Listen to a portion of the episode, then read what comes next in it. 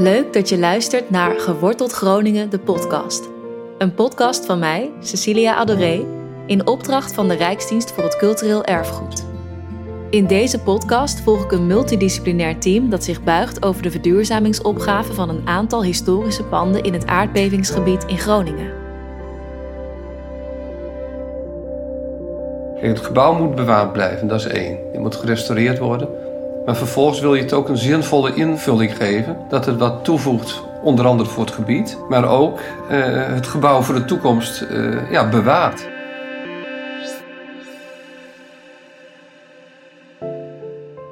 Ik hou me dagelijks bezig met de klimaatcrisis en met duurzaamheid.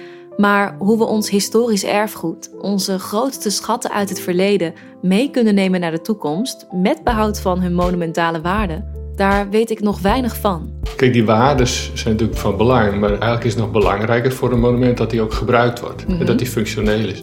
Als je aan de slag gaat met het verduurzamen van een monument of historisch pand, hoe doe je dat dan op een manier die echt duurzaam is? Ze beperken wel de energievraag, maar ze beperken niet het fossiele gebruik. En als je kijkt wat is duurzaamheid, dat is eigenlijk iets waarmee we de aarde niet uitputten. Als we dan met best wel chemische middelen isolatiematerialen gaan maken om die energie te besparen, ja, het staat een beetje haaks op elkaar. En hoe kunnen de verhalen en de geschiedenis gebruikt worden om een passend verduurzamingsplan te maken?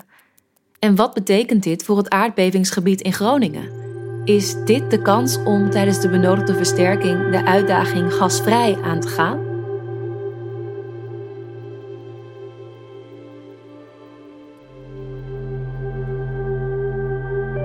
Omdat Groningen heel lang heeft gezorgd voor warmte en energie en welvaart voor de rest van Nederland. En nu is het tijd om iets terug te doen. De tijd dat de aarde onuitputbaar leek te zijn, is voorbij. Het is tijd voor een nieuw verhaal waarin de verhouding tussen mens en aarde centraal staat.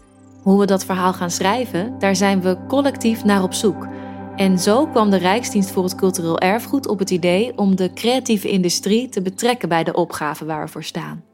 Leidt het toevoegen van partijen die normaal misschien niet betrokken worden tot nieuwe inzichten en alternatieve verduurzamingsmogelijkheden voor monumenten? We zijn nu wel op zo'n punt dat we nu ook ontdekken wat ieders rol kan zijn en wat ieders bijdrage kan zijn. En op een gegeven moment beginnen nu dingen als een soort niet meer tegen elkaar in, maar juist in elkaar te haken. En ook de parallellen, de invalshoeken op verschillende niveaus eigenlijk samen te komen. Het Creatief Lab dat wordt samengesteld bestaat uit vijf partijen. Architecten, erfgoedspecialisten, duurzaamheidsdeskundigen, maar ook een beeldend kunstenaar en twee visuele marketeers maakten deel uit van dit team. Iedereen brengt kennis in vanuit zijn of haar vakgebied en kijkt vanuit een andere invalshoek naar deze opgave.